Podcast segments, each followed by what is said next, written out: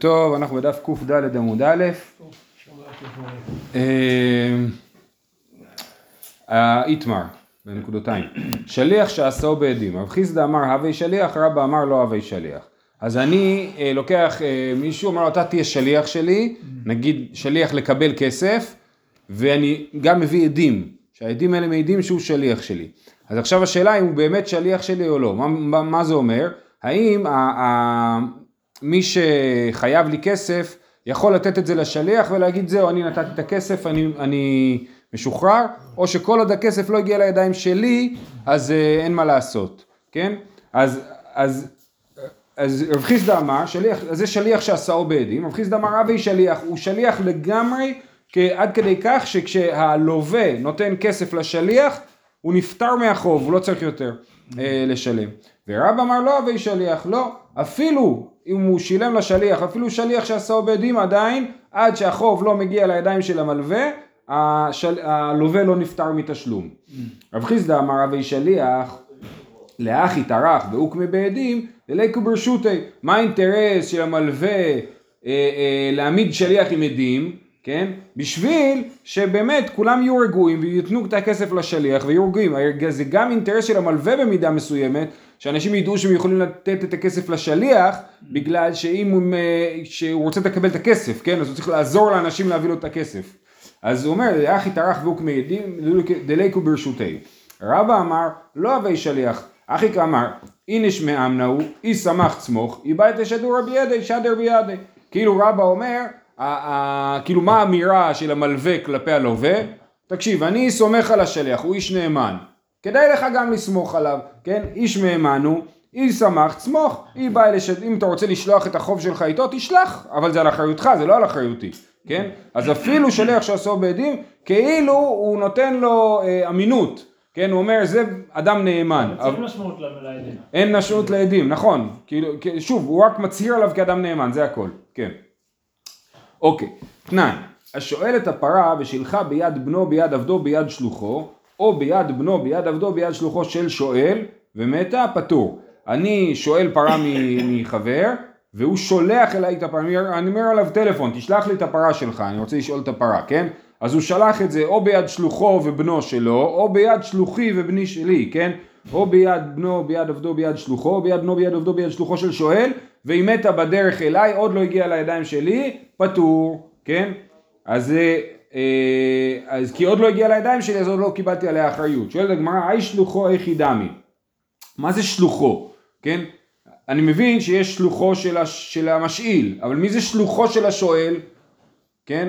אז איך ידמי? אי דלא עשאו בעדין מנאי הדינן. אם המש, המשלח, השואל, לא עשה את, ה, אה, את השליח בעדים, אז מה הופך אותו להיות שלוחו של, המש, של השואל? כן? אלא דעשאו בעדים, וקטני דפטור קשה לרב חיסדא. אז אנחנו מעמידים את זה שמדובר שהשואל עשה שליח בעדים, את השליח הזה הוא שלח למשאיל, המשאיל נתן לשליח את הפרה, והפרה מתה בדרך, ומי, ומי מתחייב בזה? השואל לא חייב לשלם למשאיל. סימן שרבא צודק, שגם כל עוד זה לא הגיע לידיים של השואל, זה עדיין באחריות המשאיל. קשיא לרב חיסדא, נכון? אמ, אה, כדאמר רב חיסדא בשכירו ולקיתו, הכנה מבשכירו ולקיתו. זאת אומרת, כמו שתכף נראה שרב חיסדא יתרץ בשכירו ולקיתו, אז גם אנחנו נתרץ פה בשכירו ולקיתו. מה זה שכירו ולקיתו? הוא שכיר של השואל. השואל שולח את הפועל שלו, אומר, מתה הפרה באמצע היום, או הלך הטרקטור, כן, לך למשאיל, תיקח פרה, תמשיך את העבודה. אז מה הופך אותו להיות שליח? זה זה שהוא עובד אצל, ה, אצל השואל. זה מה שהופך אותו להיות שליח. אז אפשר להגיד שלא מדובר פה בשליח שעשהו בעדים, אלא פשוט מדובר בעובד של המשלח, וזה מה שמגדיר אותו כשליח כאילו, אבל, אבל זה לא שליח שעשהו בעדים, אם הוא היה עושה אותו בעדים, אז באמת המשאיל היה מסיר אחריות בשנייה שהוא היה אה, מעביר את זה לשליח. אה, תנן, עכשיו זה מהמשנה שלנו, וזה הקשר לסוגיה שלנו. תנן, לא ייתן לא לבנו ולא לשלוחו. דיברנו במשנה על מי שגוזל את חברו, כן? הוא חייב להחזיר את זה עד לידיים של, ה, אה, של הנגזל, נכון? הגוזלת, אמרנו במשנה, הגוזל את חברו שווה פרוטה ונשבע לו, יוליכנו אחריו למדי, לא ייתן לא לבנו ולא לשלוחו. כן? אי אפשר לתת את, ה, את הגזלה, הגזלן לא יכול להחזיר את הגזלה לידיים של השליח, אלא חייב להחזיר את זה לידיים של הנגזל בעצמו, כן? אז, אז עכשיו אנחנו רוצים להוכיח מזה למקרה שלנו, לשאלה שלנו. כן, אנחנו מדברים על אדם שעשה שליח עם עדים. האם בזה הוא הפך את השליח ממש להיות היד האריכתא שלו, ולכן מי שמחזיר לשליח משהו כבר כאילו החזיר אותו, או שזה עדיין לא נחשב שהוא החזיר אותו לגמרי. אז תנן, לא ייתן לא לבנו ולא לשלוחו. היי שלוחו יחידמי, שוב פעם, מי הוא שלוחו של, ה, של הנגזל? יחידמי, אי דלא עשאו בעדים, מנאי דינן, מה הופך אותו להיות לשליח? איך אנחנו יודעים שהוא שליח שלו? אלא לאו דעשאו בעדים, והוא בכל זאת, למרות שהוא עשאו בעדים, עדיין הגזלן לא יכול לתת את הכסף לשליח, עד שהכסף לא מגיע לידיים של הנגזל, הגזלן לא נפטר מה, מהתשלום הגזלה. אז שוב פעם, קשה לרב חיסדא שחושב שכן נפטרים ברגע שמדובר על ה... ברגע שזה מגיע לשליח. תרגם הרב חיסדא בשכירו ולקיטו. כאן רב חיסדא באמת אמר את זה, כן? מקודם זה הגמרא השתמשה בתירוץ של רב חיסדא, פה רב חיסדא אמר את זה באמת. כנראה שמה שקרה זה שרב חיסדא ורבא דיברו, נכון? הקשו על רב חיסדא מהמשנה שלנו והוא תירץ. לא הקשו עליו מהמשנה של השואל, את הפרה, אבל הגמרא אמרה אנחנו נלמד לתרץ את זה ממה שרב חיסדא תירץ במקום אחר. אז תרגם רב חיסדא בשכירו ולקיטו. ממשיכה הגמרא ושולח, רגע, אבל שליח שעשאו בעדים, מהי, הכינה מדאבי שליח? רגע, אתה רוצה להגיד, שאומרים לרב חיסדא, שאם הוא כן היה עושה שליח בעדים, אז הגזלן היה יכול להחזיר את זה לשליח ולא לנגזל, נכון? אה, אבל הגמר, המשנה אמרה, עדתני סיפא אבל נותנו לשליח בית דין, ליפלוג וליטי בדידי. במה דברים אמורים? בשליח שלא עשו בית או שליח שעשו בית דין, הכינמי דאבי שליח. כן? זאת אומרת, הרי המשנה אומרת אחר כך כזה דבר, היא אומרת מה הדרך היחידה של הגזלן להחזיר את הכסף? או בידיים של הנגזל, או בשליח בית דין. אה, אבל אם יש שליח בית דין, אז למה, אה, אם זה שליח בית דין, אז למה למה המשנה לא מביאה את הדוגמה שרב חיסדא מדבר עליה? כן, עד סיפא נותן לו לשליח בית דין, שידברו על שליח שעשהו בית דין. למה ללכת לשליח בית דין? מספיק שנדבר על שליח שעשהו בית דין, שזה מספיק טוב, שהגזלן יחזיר לנגזל, לשליח של הנגזל, ובזה הוא ייפטר מהתשלומים. אז לפלוג וליטנה בדידי. אה, אומרת הגמרא, הכי נמי דאבי שליח, אה, אה, סליחה, שליח שעשהו בית דין, הכי נמי דאבי שליח. אומרת הגמרא, אמרי לא פסיקה ליה. שליח בית דין, התשובה היא שזה לא פסיק עלי, זאת אומרת, יש פה הבדל בין השליח בית דין לבין השליח שעשאו בית דין. שליח שבית דין, לא שנעשאו נגזל ולא שנעשאו גזלן, אבי שליח. אני, בין אם הגזלן ובין אם הנגזל מינו שליח בית דין, אז הוא יכול לתפקד בתור שליח מוחלט, שברגע שהגזלן יחזיר את הכסף לשליח, אז אה, הוא נפטר מתשלומים. זאת אומרת, אפילו אם כן, הגזלן ילך ויעשה שליח בית דין ויביא לשליח בית דין את הכסף, הוא נפטר מתשלומים.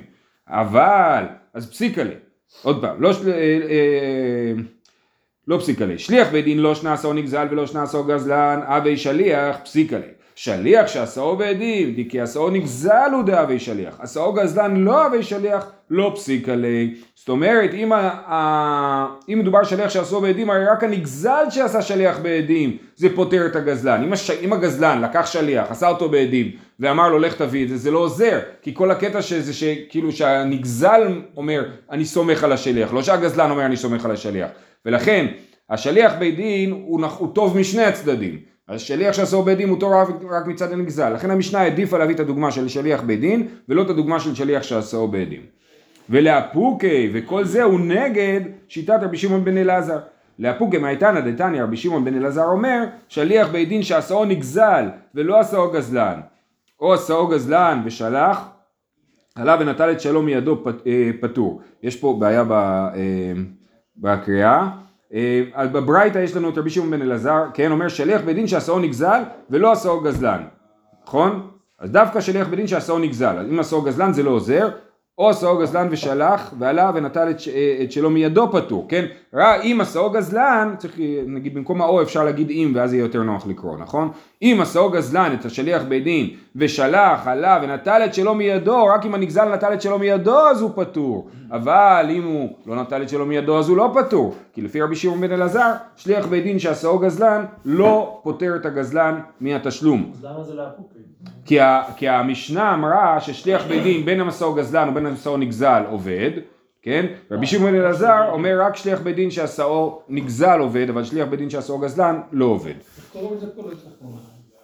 אה, אה, אה, רבי שמעון אלעזר אומר שליח בית דין שעשו נגזל עובד ולא, סליחה, כן, שליח בית דין שעשו נגזל ולא עשו גזלן, נכון?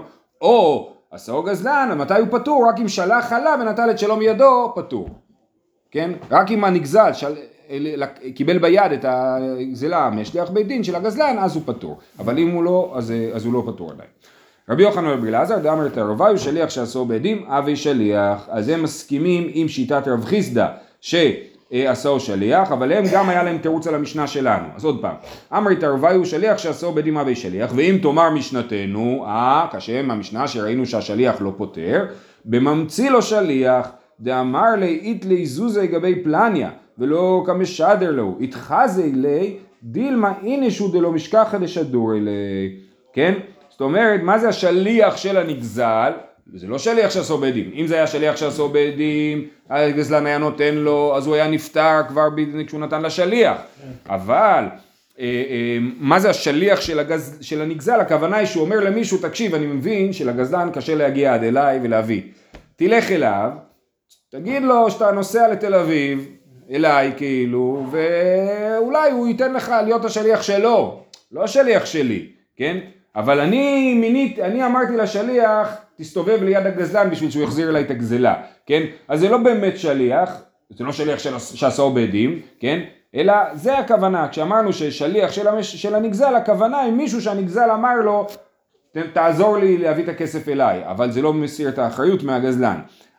אבל אם הוא כן היה עושה שליח בעדים, בוודאי שזה כן היה מסיר אחריות מה, מהגזלן, כפי שחושבים רבי יוחנן ורבי אלעזר. והיה לי פה הווה אמינא להגיד שזה כן יעבוד.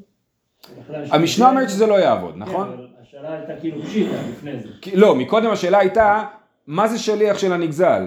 מה זה הדבר הזה שליח של מנאי דינן? אז התשובה היא שליח של הנגזל זה מישהו שהנגזל דחף אותו לשם, אבל זה לא הופך אותו להיות מינוי רשמי של הנגזל. אם זה היה בעדים זה כן היה מינוי רשמי. מנהל דינן מה, הוא לא מספיק אה, שהוא אומר. מי אתה? מה אתה? מה קרה? אתה רוצה, אתה רוצה, שליח כלפי הגזלן, כלפי הגזלן?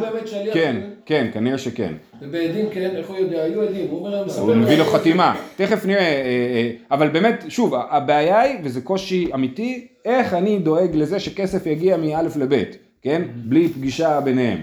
אז זאת, זה קושי אמיתי. אז מנהל דין, בא בן אדם אומר, אה, אני שליח של הנגזל. טוב, בסדר, מה... תביא לי את הכסף, יהיה בסדר, כן? זה לא עובד. אה, אוקיי, ואי נמי כדי רב חיסדא בסחירו ולקיטו, זאת אומרת, רבי יוחנן ורבי אלעזר, שמעמידים את המשנה, ש, סליחה, שטוענים ששליח שעשאו בעדים אבי שליח, מעמידים את המשנה שלנו או במה שאמרנו בממציא לו שליח, או אי נמי כדי רב חיסדא בסחירו ולקיטו, הם יכולים להסתדר גם עם התירוץ שרב חיסדא אמר, זה גם טוב להם. זהו, אנחנו בק"ד עמוד א' השורה האחרונה, אמר רבי יהודה אמר שמואל, אין משלחין מעות בדיוקני, ואפילו עדים חתומים עליה. מה זה דיוקני? אה, אה, אז רש"י מסביר, מסר לו בעל הפיקדון לשליח סימנים, וכתב לו חותמו באיגרת ולשרה לו, כן? אה, אני הפקדתי משהו אצל מישהו, אני רוצה לגבות אותו חזרה, אני שולח בן אדם עם חתימה, עם עדים על החתימה, לך ת, זה אני, אתה השליח שלי, הנה חתימה, חותמת, כל מה שצריך, כן? אין משלחים מאוד בדיוקני, ואז אומרים למפק... למי ששומר על הפיקדון, אל תיתן אותו, כן? מה? צ'ק, אה, כמו צ'ק, דומה לצ'ק, כן. אז, אה, אז אומרים אפילו אחי, נכון, אני נותן צ'ק, והוא בא להפקיד את זה לבנק, הוא אומר לבנק אל תשלם את הכסף למי שמפקיד את הצ'ק, נכון? אה, רבי יוחנן אמר, אם עדים חתומים עליה משלחים, אז זה מחלוקת. לפי שמואל, אם לא יעזור בית דין, כאילו, כן? לא יעזור עדים, אין דרך להעביר את הכסף, ולפי רבי יוחנן יש דרך להעביר את הכסף. אה, אז מה נעשה לשיטת שמואל? איך בן אדם יחזיר כסף? אמר לשמואל, מה התקנת? כן? איך, איך, אה, איך הבן, כן, איך שוב, בפיקדון או בהלוואה, איך זה יחזור? כי אז יש לנו סיפור, כי עד רבי אבא, אבא מסיק זוזי בידי רבי יוסף בר חמא. אה, רבי יוסף בר חמא, שהוא אבא של רבא, כן? הוא אה, היה חייב כסף לרבי אבא. אמר לי לרב ספרא, וכנראה הם לא גרו באותו מקום, כן? אמר לי לרב ספרא, בהדי דעתית הייתינו ניהלי. אז הוא אומר לרב ספרא, תקשיב, אתה הולך לשם, לבית של רב בר חמא, תביא לי את הכסף. סבבה. הלך לשם, כי אזל לאטם, אמר לי, ואז הוא בא ואומר, "נו, טוב, אני אביא את הכסף לרבי אבא.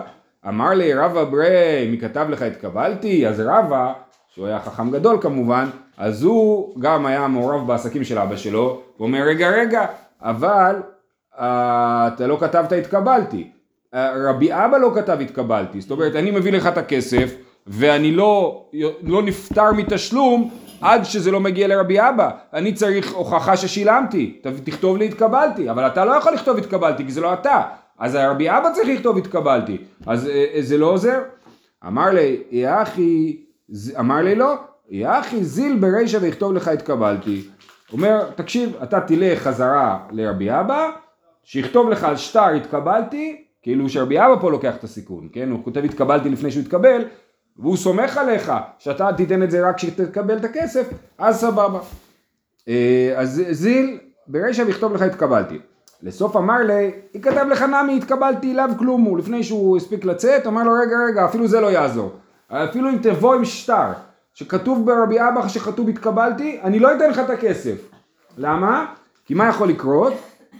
דילמה הדעתי צ'כי ברבי אבא ונפלו זוזי קמי יעת בי והתקבלת דרבי אבא כלום הוא. כן, רש"י אומר שרבי אבא היה זקן, כן? ומה יקרה? רבי אבא ישלח אותך עם, שוב, רבי אבא שולח את רב ספרא עם שטר שכתוב התקבלתי. רב ספרא הולך לרב יוסף בר חמא, מביא לו את השטר הזה, כן? יחזור חזרה אה, רב ספרא עם הכסף והשטר שכתוב התקבלתי יישאר אצל רב יוסף בר חמא, נכון? יחזור ויגלה שרבי אבא נפטר. יבואו היתומים לרב יוסף בר חמא ויגידו לו תחזיר לנו את הכסף, הוא יגיד מה כתוב התקבלתי, הנה שטר שכתוב התקבלתי, אמרו לו מצטערים, התקבלתי זה אבא שלנו כתב, אנחנו לא כתבנו את זה, כן? ולכן, כן, זה מה שהוא אומר פה, אומר דילמה הדעתית שכיב רבי אבא ונפלו זוזי כמייתמי והתקבלתי די רבי אבא עליו כלום ולדעתי הכוונה היא שאולי הוא יפ, אה, ימות ב, לפני שהוא יחזיר לו את הכסף, כן? נכון? ש... כן, אז שרבי אבא ימות לפני שרב יוסף נותן את הכסף לרב ספרא, אז בעצם אין פה ערך להתקבלתי של רבי אבא, כי הוא לא התקבל באמת, הוא מת לפני שזה קרה. לכן גם זה לא יעזור, אז מה נעשה, כן? אה, אמר לי, ולמה התקנת? רבא כזה חכם גדול, אתה חייב למצוא פתרון לסיטואציה הזאת. זיל נקנינו לך אגב ערה, ותעת כתוב לה נתקבלתי. זאת אומרת, אנחנו נקנה לך את הכסף על גבי הקרקע, כן? אפשר להקנות כסף בלי משיכה, באמצעות קרקע, כן? אז אנחנו נקנה לך את הכסף על גבי הקרקע, ואז תבוא עם שטר שהתקבלתי. ואני כאילו מקנה לך את הכסף מראש, אבל הוא עדיין אצלי. תבוא תיקח אותו, אם שטר התקבלתי, אז זה בסדר, כי השטר התקבלתי יהיה כבר, יהיה נכון כבר, כי כבר העברתי לך את הכסף מראש. כאילו שאני כאילו אני מקנה לך את הכסף לפני שאתה לוקח אותו באמת. ואז כשתבוא עם השטר שכתוב בו התקבלתי, השטר יהיה נכון? ולא ימסור לו את הקרקע, אז הוא יבוא ייקח את הכסף, אבל הוא מקנה לו את הקרקע בשביל להקנות לו כסף. כאילו. מתי זה קורה? לא הבנתי. אה, אני חושב שאפילו עכשיו הוא יכול להקנות לו את הכסף על גבי הקרקע, ואז הוא יחזור לרבי אבא, יכתוב התקבלתי, יבוא עם השטר התקבלתי, אני אתן לך את הכסף. כאילו הכסף כבר שלך, אבל תבוא עם השטר, אני אביא לך אותו. זה כאילו האמירה. אה, עניין חל מתי? הקניין יחול מיד. לפני שהוא חזר לרבי אבא להביא את המכתב. חינמי, כן. למה צריך את התקבלתי? כי, כי הוא לא יכול לקחת את זה, אנחנו לא ניתן לך לקחת את הכסף עד שאתה לא תביא את השטר שכתוב עליו התקבלתי. זה בבית שלי, כאילו, התקניתי לך בתוך הבית שלי משהו. אני חושב שזה הסיפור. כי עד ערב פאפא, אבא מסיק תריסר אלפי זוזי בי חוזאי, הקנינו ניעלה לרב שמואל בר אבא, אגב הסיפא דביתי, כי עתה נפיק כלפי עד טווח. זאת אומרת, רב פאפא היו חייבים לו 1,200 זוז, תריסר אלפי זוז, סליחה, 12 אלף זוז, המון כסף, כן, בי חוזאי, ושוב, הוא רצה את הכסף ולא ידע איך זה יגיע אליו, הקנינו נעלי לרב שמואל בר אבא, סליחה, בוא נראה. רש"י יסביר, רגע, כן, נכון.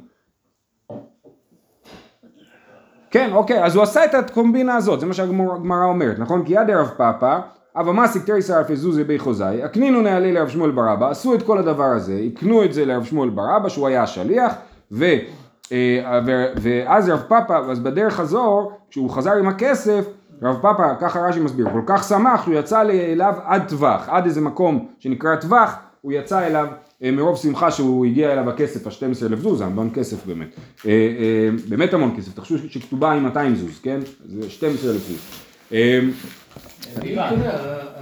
מה? מה זה? החייבים מקנים, החייבים מקנים, זהו, בסיפור הראשון משמע שהחייבים מקנים את הכסף לבעל החוב, נכון?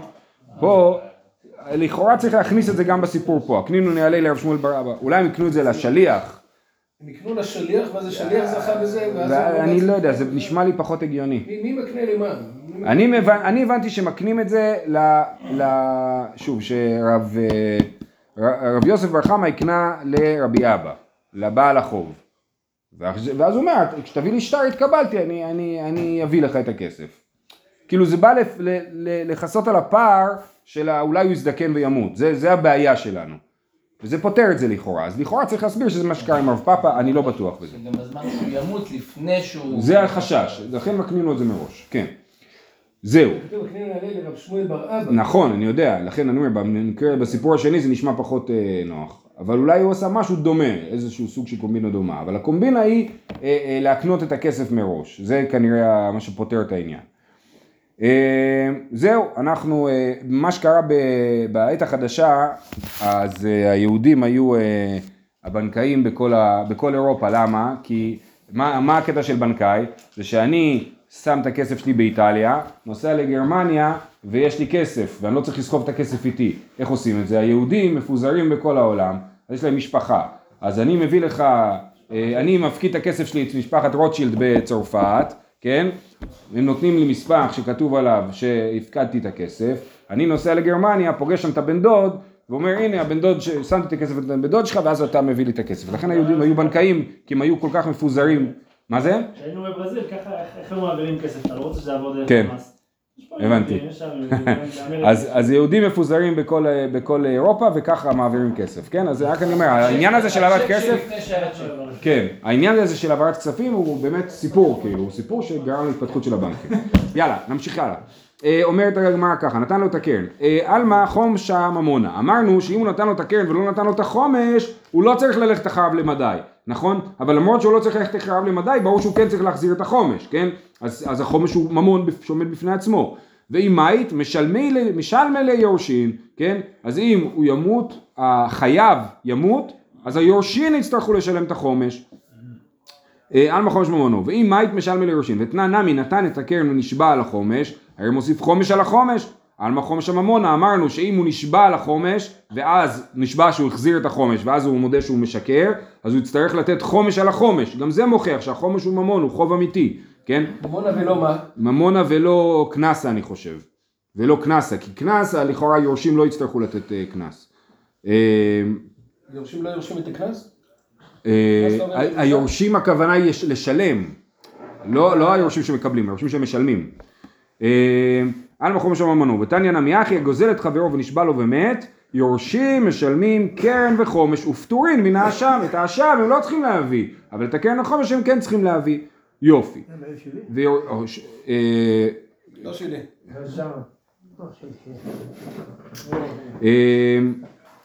ופטור מן האשם ויורשים בני שלו- בני שלו מחומשה אז כנראה זה שלך. אה, יורשים בני שלומי חומשה דאבורון אבו עלמא חומשה ממונה הוא ובאי שלומי יורשין יפה. ורמינו עדיין אני אומר מתי אינו משלם חומש על גזל אביו? בזמן שלא נשבע לא הוא ולא אביו הוא ולא אביו אביו ולא הוא הוא ואביו מנין תלמוד אמר אשר גזל ואשר עשק והוא לא גזל ולא עשק כן אז אנחנו רואים שאם האבא נשבע אז הבן לא משלם חומש כן בניגוד למה שראינו שהיורשים כן משלמים חומש אמר רב נחמן לא קשיא, כאן שהודה, כאן שלא הודה. מתי הבן משלם חומש? כשאבא נשבע והודה ומת ולא הספיק לשלם. אז הבן משלם חומש. אבל אם האבא נשבע ולא הודה, אז למה שהבן ישלם חומש? ואפילו אם הבן מודה, זה לא עוזר, כן? אה, כאן יודע כאן שלא הודה. אומרת הגמרא, היא לא הודה, קרן נמי לא משלם. אם הוא לא הודה, אז למה בכלל לא צריך לשלם כלום, כן? וכי תימא הכי נמי דלא משלם, ועמי דקמהדר החומש למימר דקרן משלם, הרי ברור שהוא משלם את הקרן ורק את החומש הוא לא משלם, אז ברור שכן יש פה הודעה. ועוד תניא, ועדיין אני אומר, כן, יש פה ברייתא שמתחילה במילים, היא לא מתחילה, מצוטטת מהמילים ועדיין אני אומר, מתי הוא משלם קרן על גזל אביו? בזמן שנשבע הוא ואביו, אביו ולא הוא, הוא ולא אביו. אה, לא הוא ולא אביו מניין? מניין שבכל המקרים האלה כן משלם קרן על גזל אביו, תלמוד לומר גזלה ועושק ואבדה בפיקדון יש תלמוד. זאת הברייתא, כן? ולא ברור מה זה יש תלמוד הזה. ויעתי רב הונא וכאמר להשמטה אמר לי רבא ברי יש תלמוד, אז רב הונא חזר על הברייתא, הבן שלו רבא אמר לו יש תלמוד כאמר אמר או ישתלמו כאמר אמר, מה אתה אומר בכלל, כן? מה זה המילים האלה? האם אתה מתכוון להגיד יש תלמוד, זאת אומרת יש מקור ללמוד שהאבא משלם את הקרן, או שאתה אומר ישתלמו ורש"י מסביר, הכוונה היא, אתה אומר זה סביר לומר שישלם את הקרן, אבל אין לזה תלמוד, כן? ישתלמוד כאמר מר או ישתלמו כאמר מר. אמר לי יש תלמוד כאמינא ומריבוי דקראי אה, אה, אמרי, כן? זאת אומרת אני אמרתי לך שיש תלמוד, מה התלמוד? שכתוב גזלה ועושק ואבדה ופיקדון, כל המקרים האלה באים לרבות שבכל אופן הבן משלם את הקרן אה, אה, על הגזל של אביו. אבל לא את החומש. אבל לא את החומש, כן. אה, אומרת הגמרא, אלא מאי לא הודה? לא הודה אביו והודה בנו. אה, אה, כן, אז האבא לא, לא, אז מה שקורה זה ככה, הברייתא הראשונה שאיתה אה, כאילו נתקענו, כן? רש"י לא אומר עדיין אני ככה. אומר ועדיין אני אומר, כי מבקשים מאחד על השני. לא, אני מתכוון לברייתא, אה, כן נכון, יום גם מתחילה עדיין אני אומר, כן. אמינו עדיין אני אומר, מתי אינו משלם חומש על גזל אביו? בזמן שלא נשבע לא הוא ולא אביו, נכון? לא הוא ולא אביו, הוא ולא אביו, אביו ולא הוא. הוא ואביו מניין, תמוד לומר אשר גזל ואשר עשק, הוא ולא, והוא לא גזל ולא עשק. אז אנחנו אומרים שהבן לא משלם את, ה, את, ה, את החומש, נכון? אה, והעמדנו את זה במקרה שהאבא לא הודה והבן הודה, אז הבן משלם את הקרן כי הוא הודה שאבא שלו גזל, אבל הוא לא משלם את החומש. ואם האבא כן הודה, אז הבן כן משלם את החומש, זה התירוץ, נכון? אומרת הגמרא, רגע, אבל אתה אמרת בברייתא שהוא נשבע ובנו נשבע, והבן הודה בסוף, נכון? אז שנתחייב בנו בחומש השבועה דידי. אבל הבן בעצמו, הוא נשבע שאבא שלו לא היה חייב, ובסוף הוא הודה שאבא שלו כן היה חייב, כן? אז הוא ישלם חומש השבועה דידי, כן? אז למה הוא לא משלם חומש? הרי התורה אמרה שעל כל סוגי העושק אתה צריך לשלם את החומש, כן? אה, אמרי, בשאין גזלה קיימת, אין גזלה קיימת, זאת אומרת האבא גזל ובזבז את הכסף. עכשיו הבן נשבע שאבא שלו לא גזל, ובסוף הודה שאבא שלו כן גזל, אבל אין פה שום משהו ממשי שהבן צריך להחזיר. אומרת הגמרא, היא בשאין גזלה קיימת, אפילו קרן עמי לא משלם, אז למה הבן משלם אם הגזלה לא קיימת, כן? אה, אה, רש"י אומר, רש"י מביא, אה, מ- כן, מההמשך, דתנן הגוזל ומאכיל את בניו פטורים מלשלם, נכון? אז אם הוא כפר, עכשיו מה הנקודה שהגזלה לא קיימת, כן? הגזלה לא קיימת, אז, אה, אה, אז הוא לא כופר על כלום, הרי מה אמרנו?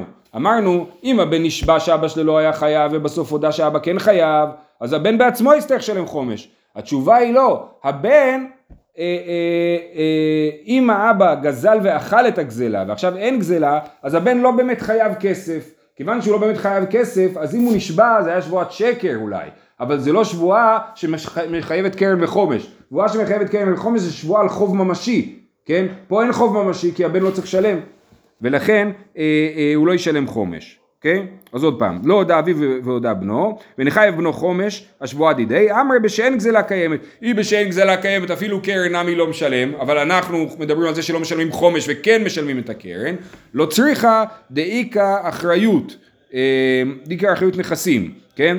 ויש פה איזשהו מקרה שהאבא, אה, אה, אה, אה, הוא אומר רש"י שהוא השאיר נכסים, ויש לנכסים האלה אחריות לשלם את החוב של האבא. אה, וכי אחריות נכסים מה מילווה על פי, ומילווה על פי אינו גובה לא מן היורשים ולא מן הלקוחות. לא גובים מן הנכסים את החוב של האבא, שזה מילווה על פה. החוב הזה הוא כמו מילווה על פה, שלא אמור לגבות אותו מאבא. אמרי, בשעמד בדין. האבא כבר עמד בדין והתחייב. אי בשעמד בדין, אפילו חומש נמי משלם, הרי זה חוזר לבעיית החומש, הוא הודה. אמר בונה ברדי אבי יהושע, רש"י מוחק את כל השורה האחרונה, אתם מוזמנים אחרי זה לקרוא.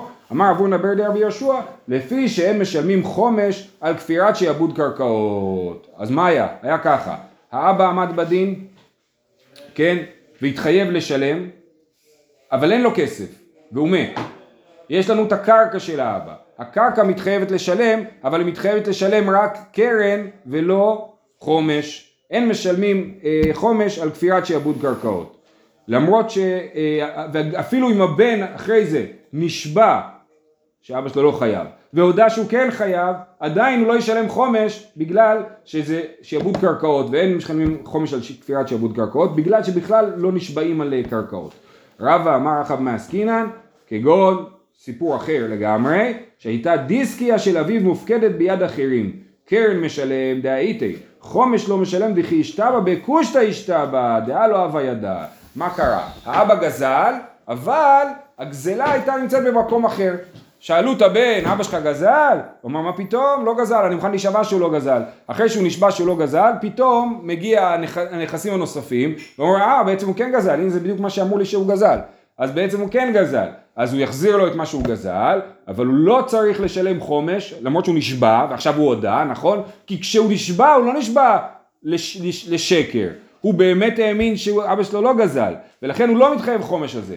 מתחייבים חומש כנראה דווקא על שבועה במזיד ולא על הדבר הזה ולכן הוא לא משלם חומש. לסיכום, האבא, אם האבא נשבע והודה, החומש הופך להיות ממון והבן צריך לשלם את החומש. אם האבא נשבע ולא הודה, הבן לא צריך לשלם את החומש, וניסינו למצוא איזה מקרה, זה מקרה שהבן נשבע והודה ובכל זאת הוא אה, אה, לא משלם חומש.